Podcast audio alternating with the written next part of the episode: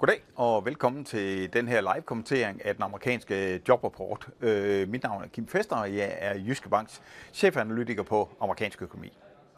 Jobrapporten det er jo en af de vigtigste nøgletal for de øh, finansielle markeder, og øh, den her gang kigger vi øh, på den øh, ud fra de to vigtigste spørgsmål på de finansielle markeder lige i øjeblikket. Og øh, de er jo, at øh, hvor meget den amerikanske centralbank de kommer til at hæve renten med, Øh, og så, hvad siger jobrapporten om øh, udsigten til en øh, amerikansk recession? Hvis vi lige par, tager effekten på den amerikanske centralbank øh, øh, først, ja, så er de jo det, man kalder dataafhængige. Og øh, det betyder, at alt afhængig af, hvordan jobvæksten og, og øh, inflationstallene øh, kommer til at se ud, ja, så vil, kan det øh, rykke øh, på øh, de finansielle markeds forventninger til, hvad den amerikanske centralbank øh, de gør.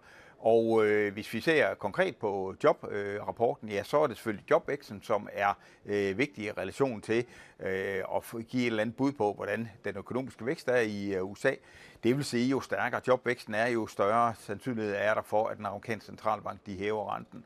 Øh, så kigger vi også på lønstigningerne. Øh, fordi at det er jo noget af det, som godt kunne være med til at presse lidt på, på inflationen i, i, i fremtiden. Så de er ret vigtige, de to. Hvis vi prøver at kigge på øh, sandsynligheden for en amerikansk recession, ja, så plejer vi jo at have, at øh, når der er amerikansk recession, så falder beskæftigelsen, og det er vi jo langt fra. Øh, I sidste måned, øh, i august, der havde vi jo en jobvækst på 315.000, og der skal vi trods alt falde en, en, en del for, at øh, vi begynder at få problemer.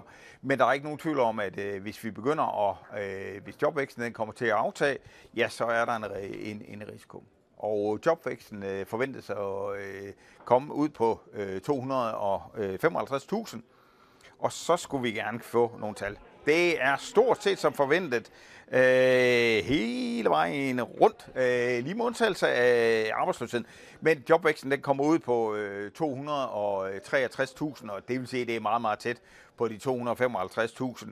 Samtidig så får vi øh, en, øh, nogle lønstigninger, som øh, ligger på de her 0,3, og det vil sige, at det er også som, øh, fuldstændig som forventet. Så forløbet så er jobrapporten øh, lige præcis øh, som forventet. Der, hvor der er en, øh, en overraskelse, det er, at arbejdsløsheden den øh, falder fra 3,7 til 3,5.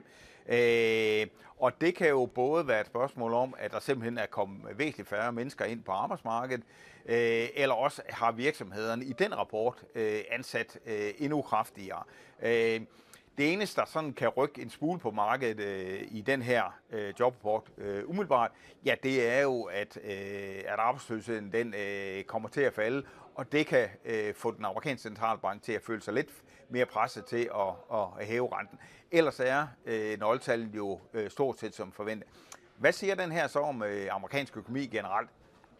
Ja, 300 og, eller 263.000 er jo en øh, ganske solid øh, jobvækst.